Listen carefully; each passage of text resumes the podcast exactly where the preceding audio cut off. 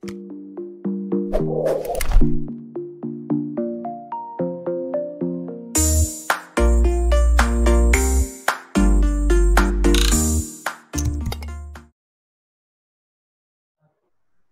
Salam namanya bahagia pemirsa TV Desa. Iya. Kembali lagi kita dalam acara uh, Kepoin Desa hari ini. Hari ini kita ingin uh, ngobrolin tentang tra- transmigrasi. Jadi cerita tentang transmigrasi, cerita yang apa uh, luar biasa menurut saya karena ketika kita apa uh, menemukan satu negara dengan bahasa Jawanya, Suriname, itu menurut saya ya ya itulah karya transmigrasi artinya pergerakan masyarakat eh, di satu ke wilayah tertentu dan kemudian menjadi satu komunitas bahkan menjadi sebuah negara. Eh, Di tahun 80-an kita juga apa masih ingat betul tentang transmigrasi dengan konsep bedol desa dan seterusnya artinya bahwa ada eh, satu desa yang kemudian diberangkatkan di satu wilayah baru dengan segala apa segala sistem uh, hubungan kekerabatan di desa itu akhirnya ikut juga ke wilayah yang baru dan seterusnya. Tempat yang yang lama ditinggalkan untuk kemudian membangun di situ ada yang jadi mungkin paling banyak jadi waduk kayaknya kalau kalau di Jawa kemudian teman-teman berpindah dan seterusnya. Tapi hari ini kita uh, mencoba uh, saya mencoba mengangkat uh, tema Indonesia membayangkan Indonesia tan- tanpa transmigrasi. Sebenarnya ini lebih pada mematik atau memancing untuk kemudian kita melihat transmigrasi itu seperti apa dan ke depan apakah kita masih perlu transmigrasi ini dan seterusnya. Sudah hadir eh, yang sangat paham ini tentang transmigrasi, Sekjen dari Masyarakat Peduli Transmigrasi Indonesia, Mas Mirwanto. Aku Mas non sewa saya me- apa mungkin agak nggak sopan tapi kebiasaan supaya lebih akrab memang manggilnya suka Mas gitu aja jadi. Oke. Ah, yang terhormat. Sugeng rawuh Mas. Iya. Selamat datang, selamat bergabung. Ya, assalamualaikum. Ah, ini Waalaikumsalam. Ini kita pengen ngobrol-ngobrol tentang transmigrasi dan masyarakat peduli transmigrasi pasti ah, sangat paham tentang transmigrasi. Ah, anak-anak muda sekarang atau mungkin generasi-generasi setelah saya itu mungkin ah, banyak juga yang nggak paham tentang transmigrasi. Boleh Mas diceritakan pengantar lah transmigrasi itu sebenarnya apa, bagaimana dan kemudian eh, bagaimana sih peran transmigrasi dalam konteks pembangunan Indonesia kita karena dulu kan kita kenal ada rivalitas 1, 2, 3, 4, 5 dan seterusnya. Nah, di situ saya melihat apa saya ingat betul ada tahapan-tahapan tentang bagaimana penguatan pertanian, industri pertanian dan seterusnya dan dalam proses itu ada transmigrasi ah, di salah satu bagian yang kemudian kayaknya masih terus berlanjut sampai tahun 90-an saya masih dengar transmigrasi swakarsa industri dan seterusnya. Monggo Mas, dibagi cerita ke teman-teman Mas. Oke. Eh, terima kasih, Mas. Saya juga manggilnya Mas Surya ya. Ye, Eh, saya terima kasih diundang ini, walaupun eh, saya juga bertanya-tanya ini, karena saya itu sudah meninggalkan dunia eh, birokrasi sudah cukup lama ya, ada 10 tahun ya. Tetapi saya memang saya bekerja di transmigrasi dari tahun 70, Mas. Jadi eh, kebetulan saya mengikuti proses proses proses regulasi, proses pelaksanaan transmigrasi. Kalau ditanya membayangkan tanpa transmigrasi, pertanyaan saya tanpa transmigrasi itu transmigrasi sebagai lembaga atau transmigrasi sebagai kegiatan atau sebagai suatu sistem pembangunan. Nah, sebagai sistem pembangunan transmigrasi itu mestinya tidak akan pernah tidak akan pernah nggak ada untuk Indonesia yang eh, wilayahnya begitu luas, terdiri dari berbagai pulau, kemudian eh, penduduknya timpang gitu. Hmm. Oleh karena itu dari kacamata itu transmigrasi itu ada lembaga atau tidak itu tidak akan pernah hilang karena apa? Di sana ada Hmm. proses mobilitas, proses orang kepepet di satu tempat dia akan pergi ke tempat lain ya, ya. untuk mendapatkan akses, ya, kemudian untuk mendapatkan aset. Kalau ini tanpa ada intervensi atau tidak ada campur tangan dari pemerintah, kan menurut saya berbahaya gitu loh. Mereka akan uh, berebut sendiri. Gitu. Oleh karena itu transmigrasi itu saya ingin mulai pemahaman transmigrasi itu mulai dari tahun 52 ketika Bung Karno membuka meletakkan batu pertama Fakultas Pertanian UI itu tahun 27 April kalau nggak salah itu tahun 52 hmm. gitu ya. Dia mengatakan di sana bahwa pangan adalah mati hidup bangsa. Oke. Okay. Kemudian tahun 64 Bung Karno di Senayan juga mengatakan transmigrasi mati hidup bangsa. Nah, ini saya coba korelasikan antara dua pernyataan tokoh yang visioner ini.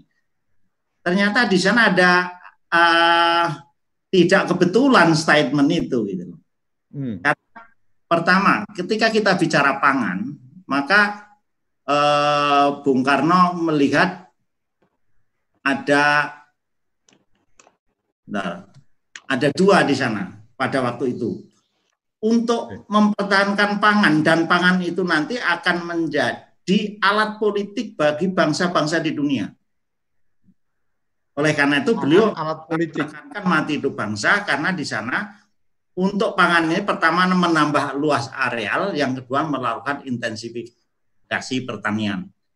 Hmm. Kemudian 64 beliau menyatakan transmigrasi mati hidup bangsa. Dengan demikian saya mencoba melihat antara statement bahwa mati hidup bangsa transmigrasi ini dengan mati hidup bangsa pangan itu ada korelasinya gitu. Itu itu eh, pemahaman pemahaman saya. Saya mungkin saya saja salah ya, tetapi saya memahami seperti itu. Kemudian setelah itu maka kita melihat transmigrasi itu kan dari tahun 50. Dari tahun 50 itu pertama kali pemberangkatan, tapi sudah ada sebelumnya namanya kolonisasi. Kolonisasi pada waktu itu eh, ada eh, lumayan besar juga. Kalau kita melihat metro, kita melihat harga makmur di Bengkulu, itu adalah produk kolonisasi awalnya.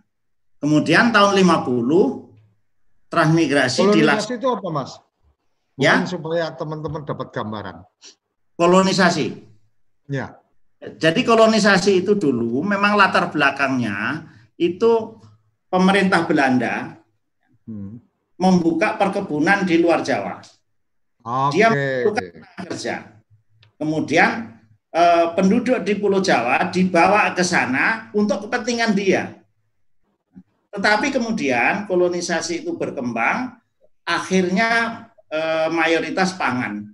Sampai dulu pemerintah Belanda itu mendirikan bank kolonisasi.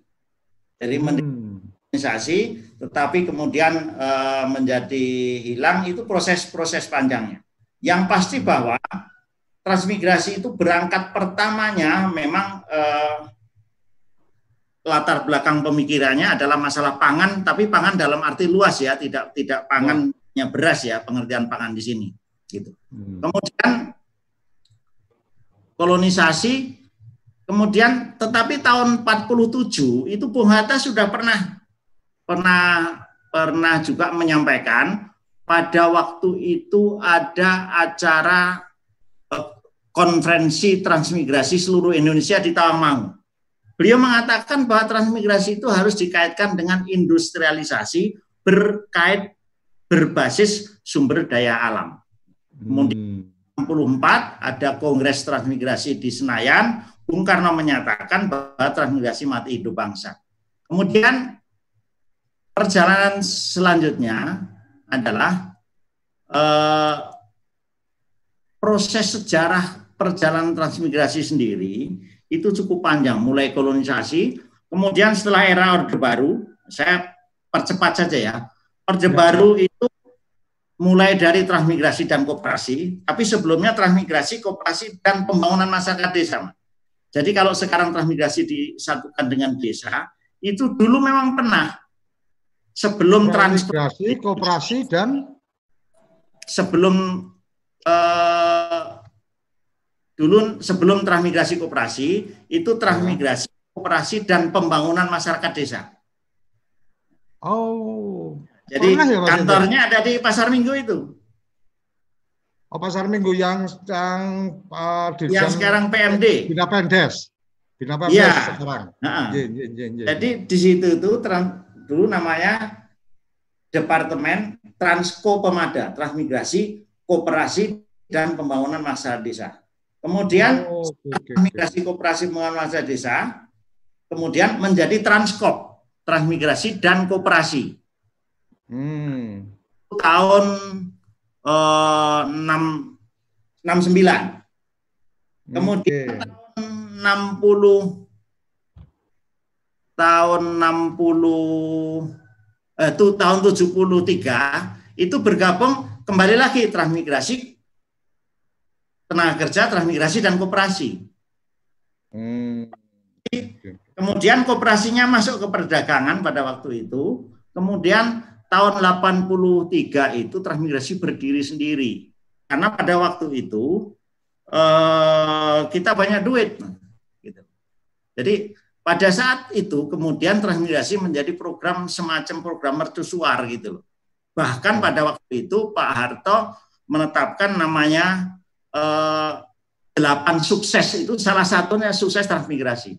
Ya, ya, ya, ya, betul. Terus kemudian transmigrasi berdiri sampai dua sendiri itu dua dua periode. Kemudian transmigrasi dikaitkan dengan tenaga kerja, penataan hutan. Jadi oh. apa? Pemanfaatan hutan itu ya? transmigrasi ya? dan PPH. Tetapi pada waktu transmigrasi itu dulu sudah ada namanya transmigrasi swakarsa pengembangan desa potensial. Jadi eh, antara transmigrasi dan desa itu tidak pernah tidak pernah lepas, terus saja selalu. Kemudian baru masuk dengan kependudukan, kemudian kembali ke menakertran, kemudian akhirnya kita bergabung dengan desa. Oleh karena itu saat tadi saya katakan ketika transmigrasi masuk nakretran, saya melihat memang eh, ada sedikit ketidaktepatan dalam memandang. Karena transmigrasi diposisikan sebagai aspek SDM semata. Sehingga di DPR pun transmigrasi itu masuk komisi SDM di komisi 9 hanya hanya berbicara orangnya saja. Hanya berbicara orangnya tidak bicara Kemudian tentang kawasan, tidak bicara tentang ekonomi kawasan dan seterusnya. Iya, orientasinya lebih kepada SDM-nya. Hmm, okay, okay, okay. Karena itu ketika pemerintahan Jokowi kemudian me, eh, sayangnya hanya menggabungkan antara desa transmigrasi ini menjadi satu. Ini soalnya saya kira sesuatu yang kebijakan yang tepat karena ketika berbicara transmigrasi tidak semata orang saya sering guyon gini, Mas Sur transmigrasi itu mengurus tiga aspek di Indonesia itu. Pertama yang telentang, bumi, tata uh, ruang dan angkasa, ini yang pertama. Yang kedua yang berdiri, bagaimana membangun bangunan segala macam. Kemudian yang ketiga itu yang bergerak, uang dan orang. Nah, ini dalam satu kesatuan. Oleh karena itu, kritik saya terhadap transmigrasi, jangan transmigrasi seolah-olah menjadi pekerjaannya satu lembaga. Gitu. Hmm, oke oke oke oke. Transmigrasi itu paling tidak ada ada saya hitung mungkin nanti bisa dilihat lagi. Ada 19 kementerian lembaga ditambah pemerintah daerah itu paling tidak ada dua pemerintah daerah yang kepentingannya berbeda. Satu pemerintah daerah tujuan dan pemerintah daerah asal itu sama-sama nangani transmigrasi, tapi kepentingan dua Pemda itu berbeda. Ya, yang betul. satu ingin mengembangkan ruangnya, yang satu ingin mengurangi beban mengurangi kepadatan penduduk. Gitu. Ini nah, kemudian berikutnya setelah penempatan maka di situ adalah aspek tadi saya katakan Ipolesosbuk Hankamnas. Di situ ada eh, masalah ideologi. Ini juga harus hati-hati oleh karena itu eh, kalau sering sering ada kritik bahwa transmigrasi menciptakan konflik, saya katakan konflik dalam penyelenggaraan transmigrasi tidak mungkin zero. tapi justru adanya transmigrasi, bagaimana konflik itu dari sisi negatif dikendalikan menjadi sesuatu yang positif. Karena eh, etnis di Indonesia itu ketika berkumpul menjadi satu, mestinya menjadi kekuatan yang luar biasa kalau kita kalau kita bicara tentang pembangunan komunitas gitu. Kalau bicara ketika bisa mengelola dengan transmigrasi itu secara Artinya kalau bisa mengelola konfliknya baru jadi potensi bagus, tapi kalau nggak bisa kan malah jadi potensi konflik yang berkepanjangan. Betul. Betul. Justru diadakan transmigrasi ini supaya potensi konflik itu tidak liar. Tapi oke oke oke oke yang As yang terkendali. Etnis ini disatukan dalam satu kawasan transmigrasi sehingga keratannya berdasarkan Ipolexos Budankam dan Pancasilanya masuk gitu ya Mas ya? Iya betul gitu. Oleh karena itu kalau coba dilihat cita-cita transmigrasi yang di dalam undang-undang. Hmm. Pertama sasarannya meningkatkan kemampuan dan produktivitas. Ya. Kemampuan berarti eh, kemampuan eh, masyarakatnya, produktivitas artinya kolektif. Yang ya. kedua membangun kemandirian. Ya. Yang ketiga itu membina persatuan dan kesatuan bangsa. Jadi ada hmm. ada itu di, di sasaran transmigrasi dalam undang-undang. Gitu. Artinya kalau bicara ketahanan, maka bukan hanya ketahanan pangan, tapi ketahanan nasional dengan cara transmigrasi gitu ya Mas ya, kira-kira ya. Betul, betul. Nah. Oleh karena itu Oke, tadi mas, saya... Uh, nanti akan kita sambung. Uh, Oke. Okay akan saya jeda dulu beberapa saat. Nanti kita akan sambung lagi setelah yang satu ini. Jangan ke mana-mana, teman-teman ikuti terus. Kamu tinggal di pulau terpencil, pegunungan pinggiran kota, atau daerah di Indonesia yang tidak terjangkau jaringan fiber, ADSL, dan juga 3G. Internetan dengan cepat pasti cuma akan menjadi mimpi. Mau pakai tol langit, pakai desa wifi, kunjungi www.desawifi.id.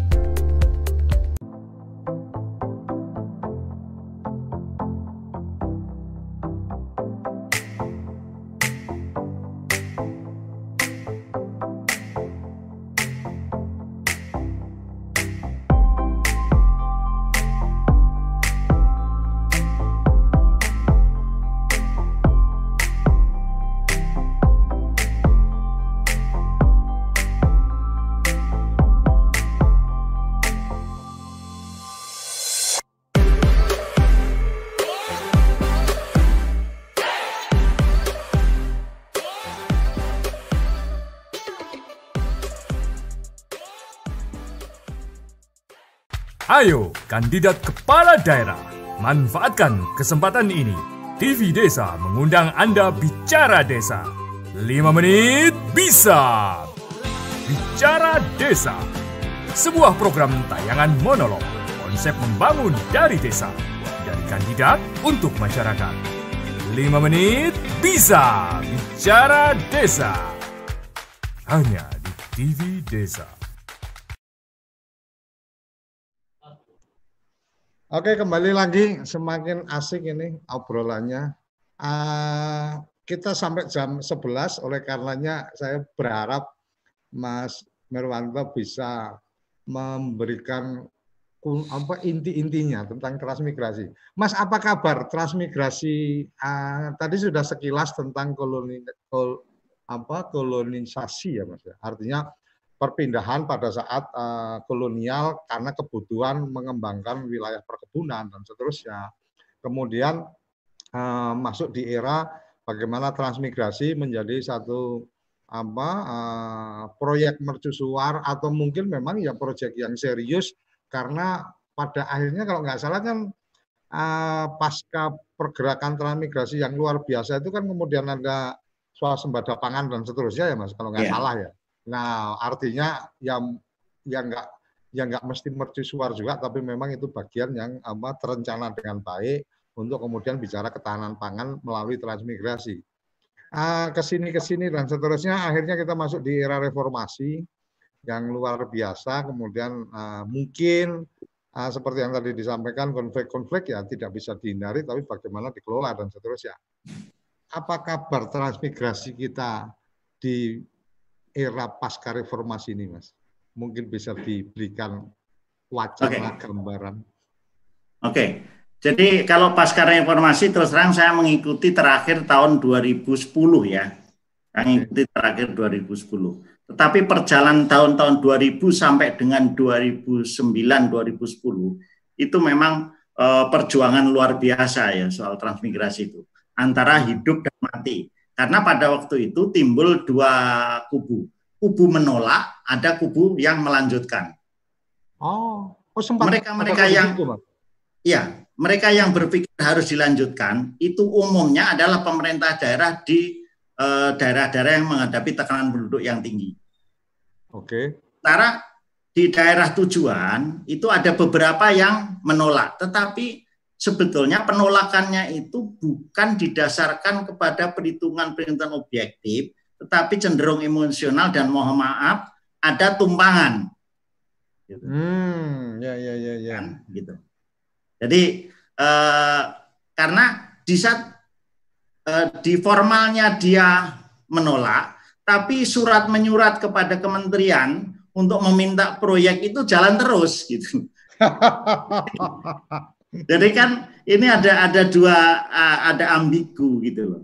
Tetapi apa pun eh, kemudian pimpinan kementerian pada waktu itu mencoba mencari hmm. mengapa jadi seperti itu. Ternyata memang kita harus sadar bahwa secara secara filosofis sosiologis, transmigrasi itu nggak bisa Indonesia nggak bisa tanpa transmigrasi.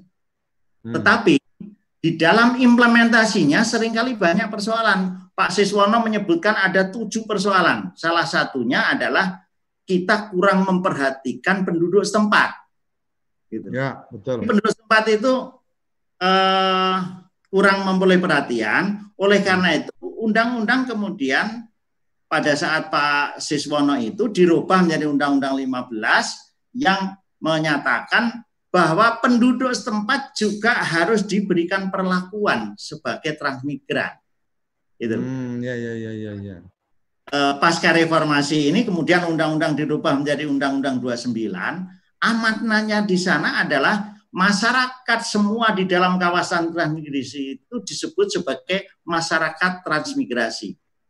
Jadi hmm. Kita harus menghilangkan lagi pikiran-pikiran kita hanya memindahkan penduduk saja, tapi penduduk setempat ini jangan hanya sebagai penonton. Betul, gitu betul, betul. Jadi penolakan itu sebenarnya penolakan karena dia hanya menonton. Tapi ketika mereka kemudian kita libatkan dalam satu kesatuan, sebetulnya sudah mulailah uh, antipati itu sudah mulai menjadi simpati gitu. Jadi kalau hmm. tanya era reformasi itu kalau saya ditanya saran saya apa? Saran saya adalah pertama ketika bicara transmigrasi jangan hanya bicara orang Jawa. Transmigrasi hmm. itu juga termasuk penduduk sempat. Kemudian yang kedua, ketika bicara transmigrasi jangan dianggap sebagai itu hanya tugasnya Kementerian Desa dan Transmigrasi. Kementerian Desa dan Transmigrasi itu kewajiban utamanya adalah menetapkan kebijakan, kemudian membuat regulasi. Siapa yang melaksanakan? Adalah kementerian, saya menyebutnya KLDM, kementerian dan lembaga, daerah, dan masyarakat mitra pembangunan. Nah, dalam terminologi yang dikembangkan UGM itu pentahelik gitu. Tapi apa pun istilahnya, tetapi konteksnya adalah seperti itu. Jadi eh, bisa saja transmigrasi nanti membuat rencana, kemudian setelahnya implementasinya harus melibatkan orang lain. Oleh karena itu di dalam PP3 itu dikatakan bahwa kawasan transmigrasi itu ketika rencana sudah ditetap eh, dibuat oleh pemerintah daerah ditetapkan oleh menteri. Kenapa harus menteri yang menetapkan? Karena setelah menteri menetapkan ada kewajiban di situ menteri yang mengurus transmigrasi ini menjadi eh, koordinator menghubungkan kepada KLDM lain. Ya. Saya menggunakan istilah begini. Mestinya Kementerian Desa itu menjadi arranger musik ya, penyanyinya hmm. pemerintah daerah, kemudian menjadi IO. menghubungkan dengan kementerian-kementerian lain. Ketika memerlukan jalan, ayo ke PU. Bupatinya diajak ketemu Menteri PU, saya perlu jalan di sini. Kemudian perlu apa lagi? Sehingga di situ adalah suatu kolaborasi yang luar biasa. Oleh karena itu saya menyebutkan transmigrasi adalah sistem gitu. Hmm. Itu kira-kira artinya, artinya Kementerian uh, Desa era reformasi mengambil, ini. Uh, mestinya Kementerian Desa mungkin mengambil peran atau posisinya dalam tanda petik mirip-mirip seperti Menko gitu ya Mas ya. Dia mengkoordinir apa atau mengkomunikasikan ya bukan koordinir tapi ya. menteri untuk mengkomunikasikan ke uh, uh, beberapa kementerian yang lain karena kalau bicara kawasan kan kita pasti bicara mama oke okay, kawasan pertanian kawasan perkebunan kawasan perikanan dan seterusnya itu kan otomatis ada kementerian teknis yang apa uh, harus lebih incas di situ kan gitu Nah, tapi mungkin mungkin gini ya supaya tidak salah tafsir ya, hmm, karena kalau hmm, yeah. itu kan mengkoordinasikan seluruhan. Tetapi ya. kalau di kemen, uh, transmigrasi di Kementerian Desa ini, setelah ya. Menteri menetapkan rencana kawasan transmigrasi, kan harus hmm. diwujudkan. Ya betul. Jadi di dalam mewujudkan ini, saya saya menyebut guyon saya, hmm. kementerian ini menjadi IO, Pak gitu.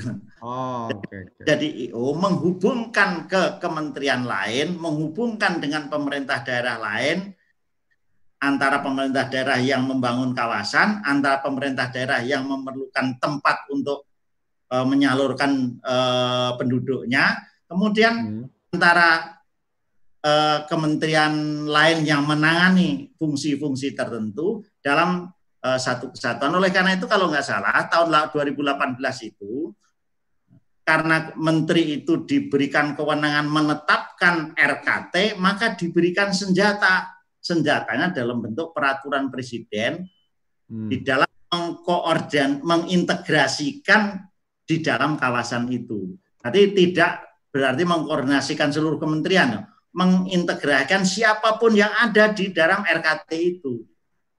Artinya, Pak, artinya pertumbuhan kawasan itu uh, menjadi bagian tugas pentingnya dari teman-teman di transmigrasi ya, Mas. Betul, betul. Tetapi Oke. tidak ditangani sendiri. Betul, betul, betul. Nah, kalau orang Jawa nabuk nyilih tangan gitu, Mas. Mas, ka, saya melihat uh, ada bagian yang menarik adalah ketika bicara, oh ada komunitas apa uh, peduli transmigrasi. Ada juga komunitas dari teman-teman uh, yang milenial, uh, milenial yang mungkin nggak paham, tapi ada juga teman-teman yang kemudian putra putri transmigran yang ternyata yeah. punya posisi-posisi yang luar biasa. Oh ternyata uh, jadi anak transmigran nggak harus minder juga kan gitu, karena yeah. kalau dulu itu kan kesannya kalau yang yang ikut trans itu kan keluarga siapa dan seterusnya kan gitu. Nah uh, ke depan ini Mas, ke depan bicara tentang transmigrasi, uh, ke depan tentang apa? Uh, saya melihat ada yang menarik adalah waktu waktu zaman saya kuliah waktu itu ada satu pengusaha dia punya kawasan apa kawasan industri di Semarang tanah mas itu dulu uh, itu dia mengembangkan uh, transmigrasi swakarsa industri, industri kalau nggak salah jadi Yeah. Dia membangun apa? Membangun wilayah kawasan industri di sana, kemudian uh, bekerja sama dengan transmigrasi dan seterusnya. Nah ini kan kalau kita bicara hari ini ekonomi kita sudah ekonomi berbasis digital dan seterusnya, maka suka tidak suka memang produksi harus di wilayah-wilayah yang dekat dengan bahan baku mungkin. Nah uh, kalau untuk masalah pemasaran dan seterusnya mungkin bisa dengan digital, tapi kalau bicara produksinya kan pasti akan lebih murah ketika kemudian dekat dengan bahan baku dan seterusnya. Tentang transmigrasi dengan beberapa pola, Mas. Mungkin bisa diberikan gambaran. Dulu saya pernah datang okay. di Trans HTI, hutan tanaman industri, yang kemudian tiap habis subuh itu orang diangkut ke apa tempat untuk apa pembenian, ada juga yang diangkut untuk tempat penyiapan lahan dan seterusnya. Bahkan yang menurut saya waktu itu membuat ngeri adalah ketika presentasi dari HTI apa uh, hutan tanaman industrinya sendiri itu dia sudah langsung mengklaster bahwa nanti akan muter terus nih. Di sini potong, di sini tanam, di sini potong ini. Saya langsung berpikir ini yang di tengah-tengah berarti kawasan apa? Kawasan buruh baru ini, tapi ini buruh industri apa industri hutan kan gitu. Nah, ada ada beberapa apa pola-pola transmigrasi. Boleh berbagi cerita, Mas? Oke. Okay. Sebenarnya okay. Uh, untuk dulu itu apa saja, kemudian hari ini menurut apa Mas Wirwanto kira-kira pola transmigrasi seperti apa yang pas untuk kita? Oke. Okay. Jadi kalau ditanya pola seperti apa yang pas sudah barang tentu yang paling pas adalah yang sesuai dengan potensi kawasan yang dikembangkan. Oleh karena itu kita eh, tidak bicara pola dulu, tapi kita bicara tentang rencana kawasan dulu. Rencana kawasan itu terdiri dari setiap kawasan transmigrasi itu terdiri paling tidak ada tiga satuan kawasan pengembangan. Setiap hmm kawasan pengembangan paling tidak ada satuan permukiman setara desa. Okay. Kemudian tiga satuan kawasan pengembangan ditambah satu namanya kawasan perkotaan baru itu baru menjadi satu satu kesatuan kawasan transmigrasi.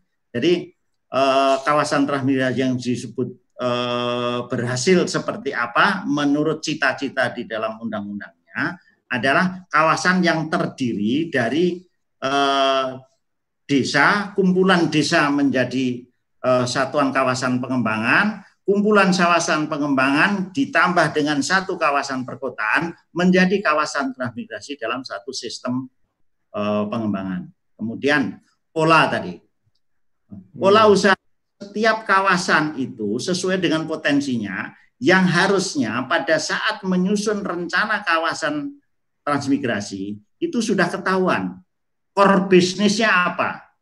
Hmm, Jadi okay, okay, okay, mulai okay, itu core bisnis gitu loh. Core bisnisnya apa? Kalau ada tiga satuan kawasan pengembangan, satu core bisnisnya eh, singkong, pasti di kawasan perkotaan baru atau di wilayah itu ada pabrik yang mengolah singkong menjadi bahan baku. Hmm. Nah, kalau ada ternak, maka ada proses pengolahan ternak menjadi Bahkan saya bermimpi dulu, mestinya daging yang di Jakarta itu bukan sapi naik truk, Pak, tapi sudah dalam kontainer dalam bentuk daging beku. Hmm, nah, ya. kawasan transmigrasi ada yang core bisnisnya ternak, taruhlah ada tiga, empat, saya kira kebutuhan daging di DKI akan terpenuhi dan yang menikmati adalah masyarakat kita. Masyarakat kita adalah masyarakat transmigrasi. Masyarakat transmigrasi adalah terdiri dari pendatang, penduduk sempat, dan semua orang yang ada di dalam kawasan itu. Oleh karena itu, kalau saran saya ke depan, mestinya teman-teman di kementerian ini konsisten dengan kawasan tadi gitu. Jadi hmm. sekarang banyak sekali kawasan. Kalau nggak salah ada 52 gitu Nah, kalau 52 itu bisa hmm. jadi kemudian ada kawasan yang core bisnis tanaman pangan, ada kawasan core, core bisnisnya ternak, ada kawasan core bisnisnya eh, perkebunan, ada yang tadi HTI segala macam. Saya kira itu eh, luar biasa. Tapi yang paling penting adalah bagaimana menetapkan core bisnis pada saat perencanaan. Hmm. Salah di situ.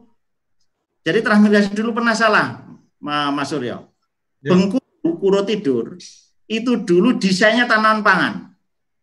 Oh, oke. Okay, Desainnya tanaman pangan. Karena artinya secara kewilayahan sebenarnya nggak nggak pas atau nggak mendukung. Jadi ternyata perkembangannya lebih tepat menjadi perkebunan. Hmm. Sehingga pada waktu itu pernah ada protes masyarakat, dia mengatakan saya kehilangan usia 10 tahun gara-gara tanaman pangan kemudian dirubah menjadi perkebunan. Oleh artinya, karena itu, artinya ya. Mas, dan Bu, kemarin kita mendengar juga bahwa ada sekian juta hektar lahan transmigrasi siap untuk menjadi lumbung pangan. Enggak sesimpel itu sebenarnya kalau kita melihat bahwa uh, per wilayah itu memang apa dikembangkan dalam konsep-konsep apa gitu ya Mas ya? Ya, kalau kalau saya sih terus terang aja, saya kemarin di HKT di, disebut orang sebagai orang yang berpengalaman melaksanakan eh, pengembangan lahan gambut sejuta hektar walaupun saya katakan itu pengalaman pahit gitu hmm. karena ketika Palingko itu cocok pangan, kemudian tiba-tiba kita katakan bahwa seluruh satu juta itu untuk pangan, ternyata hmm. tidak sesederhana itu karena eh, setiap jengkal itu berbeda. Oleh karena itu di dalam RKT itu satu satu kawasan transmigrasi paling tidak ada tiga klaster. Hmm, Dengan klasternya itu ada yang satu klaster pangan, yang satu klaster ini, yang satu klaster uh, peternakan dan seterusnya dan seterusnya gitu Tapi jangan hmm. realisasi dalam satu kawasan itu uh, seolah-olah pangan semua gitu kan tidak mungkin gitu. Oke. Oke Mas, uh, saya akan jeda sekali lagi setelah ini akan saya bacakan beberapa pertanyaan dan kalau teman-teman ingin menyampaikan secara langsung di, dari Zoom meeting saya bisa buka mic-nya, silakan nanti menanyakan secara langsung. Tapi kalau tidak beberapa pertanyaan yang ada di Zoom meeting dan juga komentar di channel YouTube akan uh, kita bacakan setelah yang satu ini. Kamu tinggal di pulau terpencil, pegunungan pinggiran kota, atau daerah di Indonesia yang tidak terjangkau jaringan fiber, ADSL, dan juga 3G. Internetan dengan cepat pasti cuma akan menjadi mimpi. Mau pakai tol langit, pakai desa wifi, kunjungi www.desawifi.id.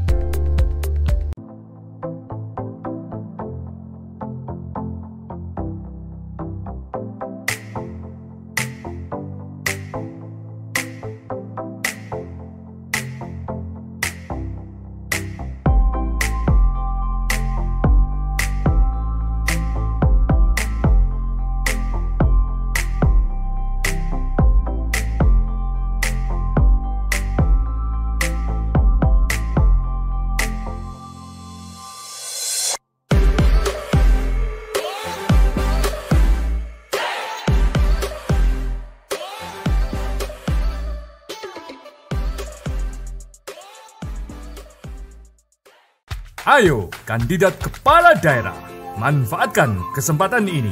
TV Desa mengundang Anda bicara desa. 5 menit bisa. Bicara Desa. Sebuah program tayangan monolog. Konsep membangun dari desa. Dari kandidat untuk masyarakat.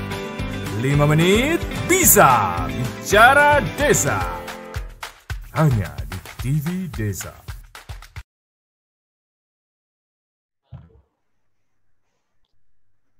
Kembali di uh, Kepoin Desa, sudah ada beberapa pertanyaan yang masuk di chat. Uh, saya coba buka mic, uh, tapi sepertinya belum direspon. Uh, mungkin bisa langsung bisa ditanggapi, Mas. Ini ada yang mempertanyakan tentang perangkat organisasinya sudah cukup lengkap. Mengapa implementasinya sekarang meredup? Salah siapa ini? Nah, monggo, Mas. Uh, Pak Widaryanto ya kalau nggak salah yeah, yeah, yeah, yeah. BPMD ya. ya. Jadi uh, perangkat organisasi kebijakan migrasi sudah lengkap gitu loh. Mengapa implementasi sekarang meredup? Siapa yang salah? Saya tidak berani mengatakan siapa yang salah karena semua kita bisa salah. Tetapi salah yang pas bersama-sama berarti Mas. Ya, kalau saya kesalahannya adalah kita kurang konsisten saya kira benar tadi yang dikatakan oleh siapa tadi Pak Leles. Ya. Setiap ganti menteri ganti gitu. Itu itu hmm. salah satu salah satu penyebabnya adalah konsistensi ini yang saya sering goyahnya gini, kita ini sudah sangat konsisten untuk tidak konsisten gitu. gitu. Karena kalau kita mau konsisten dengan apa yang diperintahkan undang-undang, ya, diperintahkan undang-undang kita membuat rencana kawasan, kemudian eh, di situ potensinya apa, dikembangkan untuk apa. Di situ saya kira, nah konsistensi transmigrasi ini sayangnya cukup panjang, Pak. Hmm. Sekurang-kurangnya satu kawasan itu dulu kita mencoba exercise, Pak. Diperlukan hmm. waktu 15 tahun. Oleh karena itu kami juga pernah mendapat kritik atau keluhan dari Profesor Uton ya dari ITB. Beliau mengatakan ketika menggagas transmigrasi itu tidak bisa menggagas sesuai dengan tahapan lima tahunan, tetapi paling hmm. tidak kalau beliau mengatakan 25 tahun. Kemudian eh, kita pernah me mencoba exercise di situ diperlukan paling tidak 15 tahun. Itu kalau konsisten. Artinya kalau ini ada kawasan dikembangkan, dia tidak akan pindah ke tempat lain sebelum ini jadi. Itu yang saya sebut dengan konsisten. Oke. Kemudian Mas ini sudah masuk dari Mas Has Prabu. Boleh Halo. kameranya gini, Mas? Ya. Halo? Kameranya boleh di skip. Ini biar gambarnya oke. Mas Prabu di mana ini? Monggo, silakan. Gini, gini, Ya, Assalamualaikum warahmatullahi wabarakatuh. Waalaikumsalam. Oh ya ini senang sekali nih setelah sekian bulan nggak ketemu Pak Merwanto nih. Biasanya boleh, hari Selasa ngumpul. Mas, kameranya boleh Halo? miringin biar full. Suaranya kedengaran? Halo? Kedengaran, kedengaran kamera sampean boleh dimiringin nggak? Biar gambarnya lebih bagus. Sinyal di ya, sinyalnya coba. kayaknya kurang terlalu kuat. Oh iya iya gitu silakan, ya. Silakan lanjut. Masih kedengaran? Oke, silakan. Ini lagi di. Ya, oke. Oke. Oke. Terima kasih. Saya mewakili teman-teman Patri yang hari ini tadinya beberapa mau gabung. Uh, catatan penting barangkali kalau dari Patri telah berjalan 16 tahun ini, uh, ternyata uh, kekuatan warga trans ya, ekstran itu masih luar biasa, terutama dalam hal rasa senasib sepenanggungan. Ini yang yang susah yang susah dicari. Tetapi di lain pihak mungkin problema besar kita di daerah ini adalah masalah kasus lahan yang berlarut-larut ini. Kalau dulu masih 300 ribuan uh, sertifikat yang belum selesai, ini mungkin sudah berkurang banyak ini sebenarnya. Tapi ini belum tuntas sehingga yang menyebabkan pandangan dari pihak pemerintah daerah dan juga warga Patri adalah kesannya itu transmigrasi itu jual putus gitu ya. Jadi kalau orang beli kendaraan biasanya kan ada walaupun sudah dibayar lunas kan ada masa garansi ya. Ya rusak silahkan datang nanti diperbaiki ganti oli ganti busi masih gratis. Ya. Nah transmigrasi ini jual putus ini. ya kalau untung bejamu orang untung karepmu kira-kira begitu. ini yang problem tanah terutama nih. Ini harus diselesaikan, ini harus diselesaikan benar. Kalau tidak, masya Allah ya, sampai sekarang terus ini berlanjut. Saya kebetulan sebagai lurah Patri ini 24 jam menerima pengaduan yang kadang sampai judek juga ini. Karena kita nggak punya kekuasaan untuk menyelesaikan masalah, sementara kita mengadu ke sana kemari, mereka dengan transmigrasi itu sudah mulai ya surut lah gitu ya pendapatnya. Keinginan banyak, mas, tapi Mas Ros posisinya sebagai apa, Mas? Kepala desa. Siapa saya? Ya. Ya, saya sebagai lurah saya. Ya. Oh, lurah. Lurah di Patri. Ya. Hmm. Oh, lurah Patri, di Patri. Tapi kan ketua umum, ketua umum Patri. Mas. Oh, ketua umum Patri. Aku begitu ngomong lurah itu nangkepnya nong kampung ono Pak Kades yang yang tempat lanjut lanjut mas enggak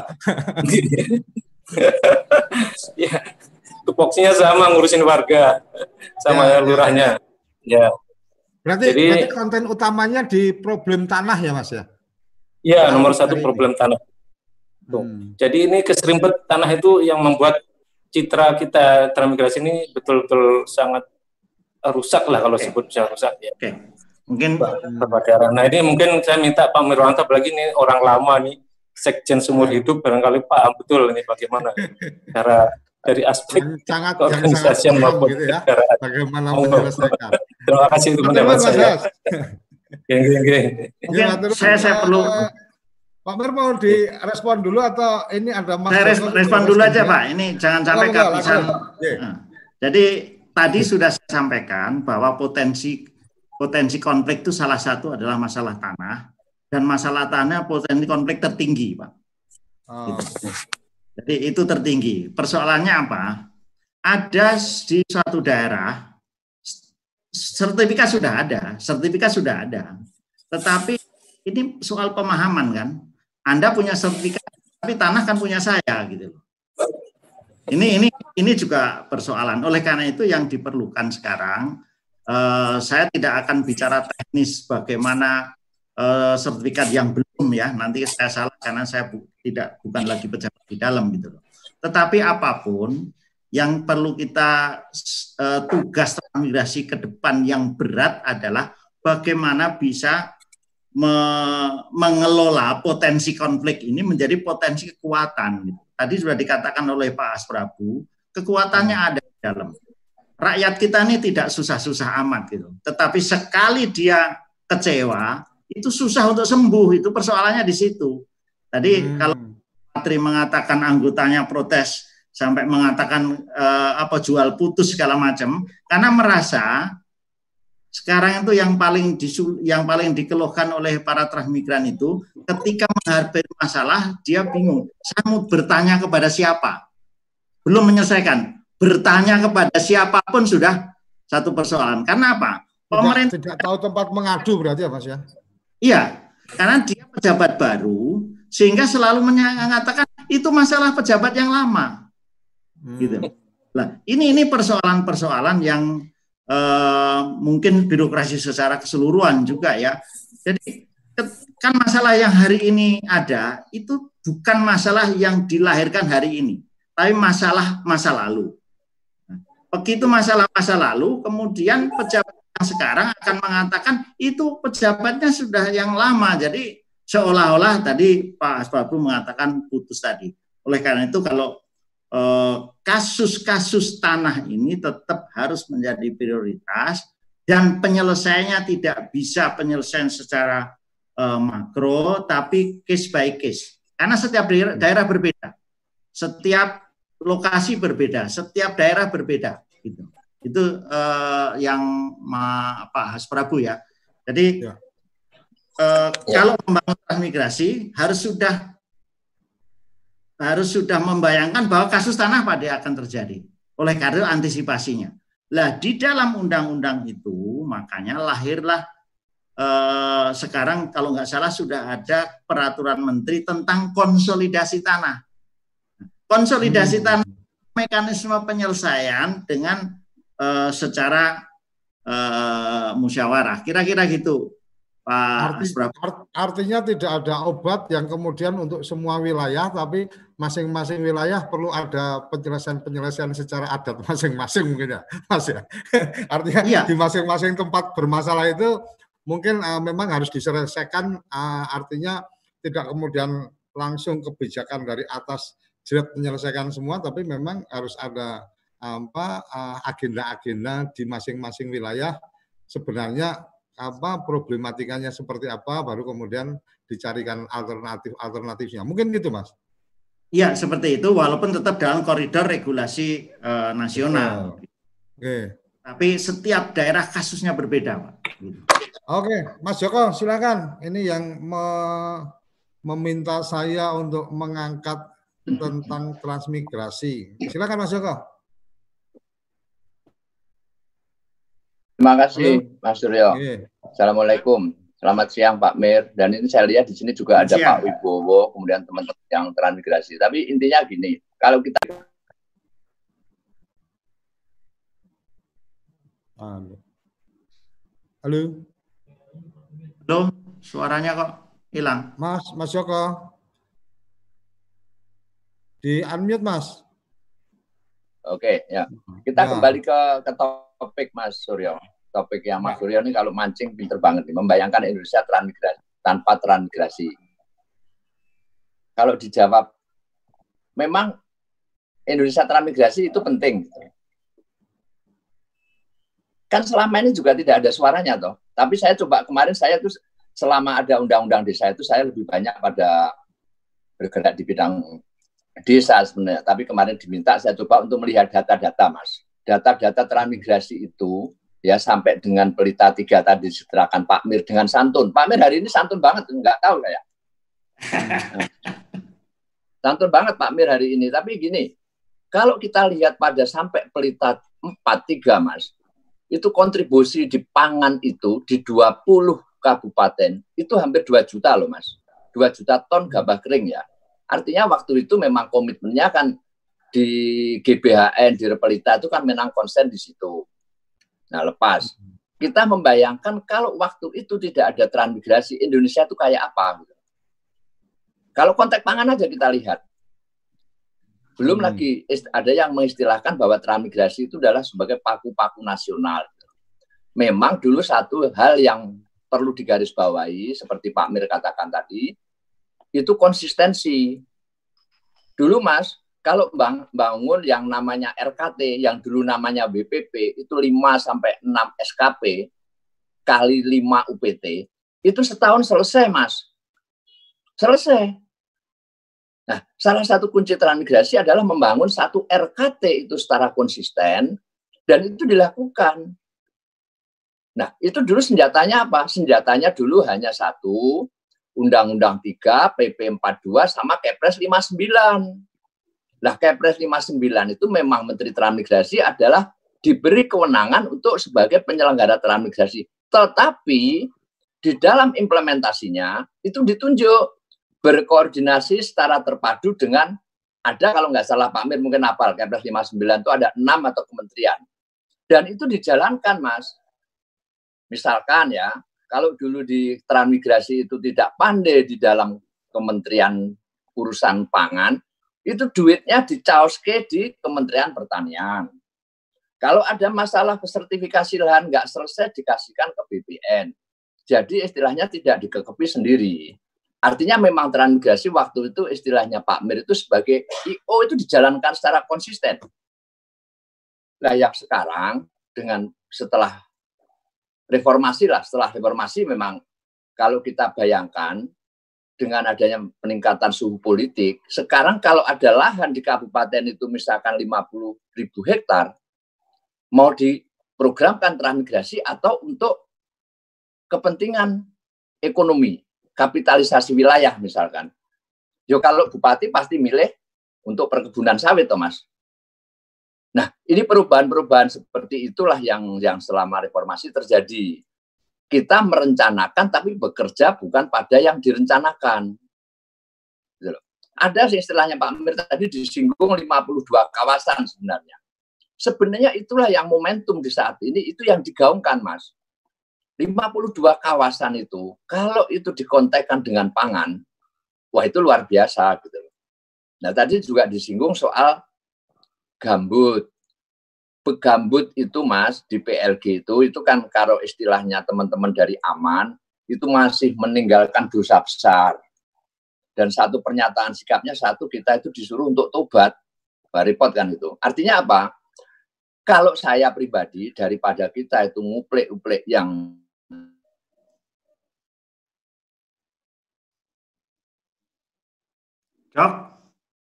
hanya 79 ribu hektar itu nanti 30 ribu hektar. Nah, saya pikir itu Mas, dikerjakan, direncanakan. Kita sebagai IO tadi dikatakan Pak Mir itu pas. Saya pikir sementara itu Mas Suryo. Maturun.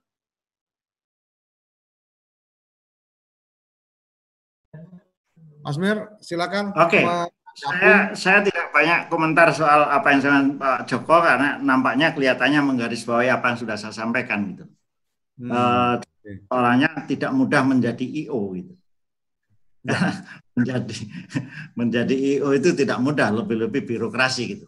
Tapi saya hmm. ingin menanggapi dari Pak Momon Setiatmo nih, Ma, ya. Ma di sini pengembangan kawasan berbasis bisnis. Ya, berbasis bisnis. Ya. Sebetulnya Nah, di dalam rencana kawasan transmigrasi itu ada termasuk bagian rencana pengembangan ekonomi. Kalau teman saya di uh, eh, UMS yang nama Pak Budi Harsono mengatakan bagaimana uh, membangun keterkaitan antara uh, produksi kan iya. kita bicara kawasan itu kan bicara produksi, distribusi, pasar. Ya. Nah, ya ini nggak bisa dipotong-potong Dulu kita bicara produksi, meningkatkan eh, produktivitas. Nggak ada gunanya kalau distribusinya tidak lancar. Sudah tidak ya. ada gunanya kalau pasar tidak jelas. Nah, oleh karena itu, dulu saya jadi pegawai transmigrasi tahun 70-an, kalau saya penyuluhan selalu menawarkan tanah subur. Itu tahun 70-an. Tahun 80 tanah subur nggak penting. Batu nggak masalah kalau batunya laku dijual. Gitu. Ya, jadi di sini oh, okay, okay, okay. Pak Momon ini saya kira ini menarik. Jadi sebetulnya ketika kita merancang suatu kawasan, itu tidak hanya merancang produksi, ada yang membeli enggak. Kemudian bahkan proses distribusinya. Nah, ini ini terus satu ke kesatuan dan itu di dalam PP 3 itu sudah diamanatkan gitu. Hanya masalahnya kan konsistensi gitu. Jadi kalau tadi Pak Widaryanto mengatakan regulasi sudah ada, ini sudah ada, kenapa belum jalan? saya tidak bisa menyebutkan siapa yang salah gitu loh. Karena kita hmm. salah semua karena regulasinya hanya menjadi macan kertas tapi tidak diimplementasikan. Padahal regulasi itu sudah mengantisipasi perkembangan eh, ke depan gitu. Saya kira Oke. itu. Mas Mir ini ada Mas Lales. Uh, silakan Mas Lales ingin menyampaikan sebelum apa waktu kita berakhir. Monggo Mas hey, eh, Lales. Monggo Pak Lales. Ini Bu saya. Terima kasih. Nah, senior senior transmigrasi saya ini jelek-jelek begini termasuk humasnya HMPTI itu. Tapi nggak oh. diajak ini. Alhamdulillah kalau sudah ngaku jelek tadi yang jelek-jelek begini. Makanya tapi lihat oh, aja ganteng, oh ganteng aku alak ini kan ya uh, McLaren kok. Eh? Artinya bajunya ini baju apa ini? kebesaran Wih, ngeri, nih. Ngeri, ngeri, ngeri. Lanjut, lanjut, lanjut, Mas. Ya, masalahnya kalau saya melihat transmigrasi, saya juga ada keliling untuk meliput transmigrasi itu sudah bertahun-tahun.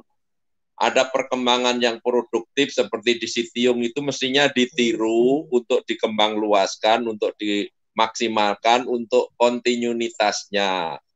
Terus kemarin waktu Pak Irman itu jadi menteri ada KTM, kawasan kota mandiri atau apa itu istilah itu. Tapi ke sini ke sini itu malah mandek, tidak ada perkembangan apa-apa. Mestinya menteri-menteri ini juga harus paham tentang transmigrasi dan senior-senior kalau bikin usulan itu juga harus dipikirkan karena transmigrasi itu sebetulnya dasar contoh konkret di Sitium itu menjadikan kemajuan di sana luar biasa. Saya kira itu Pak. Saran saja ini KTM itu tolong itu dikembangkan lagi itu. Matur nuwun. Matur nuwun. Mas Mir, uh, sekarang dari apa humasnya tadi. Nah, uh, nggak terasa waktu kita sampai di penghujung. Uh, closing statement, moga Mas Mir. Uh, begini Pak, kembali lagi saya mengulangi apa yang sudah saya sampaikan Yeah. Transmigrasi menurut saya itu kebutuhan bagi negara kita karena negara kita ini uh, luas, penduduknya uh, bermacam-macam, uh, etnisnya sekian banyak. Kalau tidak dikelola dengan baik, uh, maka akan berbahaya. Salah satu sistem untuk mengelola adalah transmigrasi, tetapi transmigrasi jangan dipandang dari segi kelembagaan. Transmigrasi sebagai suatu sistem yang dikendalikan oleh kemen, satu kementerian sekarang adalah Kementerian Desa yang hmm. terkait dengan berbagai kementerian, lembaga, daerah dan e, masyarakat. Ini jangan lupa masyarakat, Pak. Karena ya. e, sehebat apa pun kan gini, pemerintah birokrat itu kalau sekarang dikasih uang satu miliar, akhir tahun pertanyaan kan sudah habis atau belum. Tapi kalau swasta, ya, mitra pembangunan, sekarang satu miliar, akhir tahun pertanyaan sekarang menjadi berapa miliar gitu. Itu iya. kira-kira. Terima kasih Mas Surya. Oke, Mas Nuwun luar biasa obrolan transmigrasi kita hari ini membayangkan Indonesia trans, tanpa transmigrasi. Kayaknya kalau membayangkan Indonesia trans, tanpa transmigrasi, Indonesia nggak akan seperti hari ini. Indonesia nggak akan pernah mendapatkan penghargaan pada satu waktu tertentu sebagai apa negara uh, apa swasembada pangan dan berasnya waktu itu. Jadi apa yang tadi sudah disampaikan Mas Mir itu menurut saya menjadi bagian catatan penting untuk kita bersama bahwa melihat trans transmigrasi tidak hanya sekedar melihat perpindahan orang dari tempat padat ke tempat yang kekurangan apa SDM, tetapi melihat sebagai apa uh, satu uh, satu perencanaan uh, ketahanan nasional dan transmigrasi mungkin uh, terkait dengan ketahanan pangan dan seterusnya ini menjadi sesuatu yang luar biasa dan harus direncanakan betul bahwa kawasan ini ke depan akan seperti apa dengan basis potensi daerah tujuan itu seperti apa. Ini ini apa catatan-catatan pentingnya dan semoga para pemegang kebijakan hari ini yang terkait dengan transmigrasi bisa mengikuti atau bisa mendengarkan acara ini atau menonton ulang acara ini karena acara ini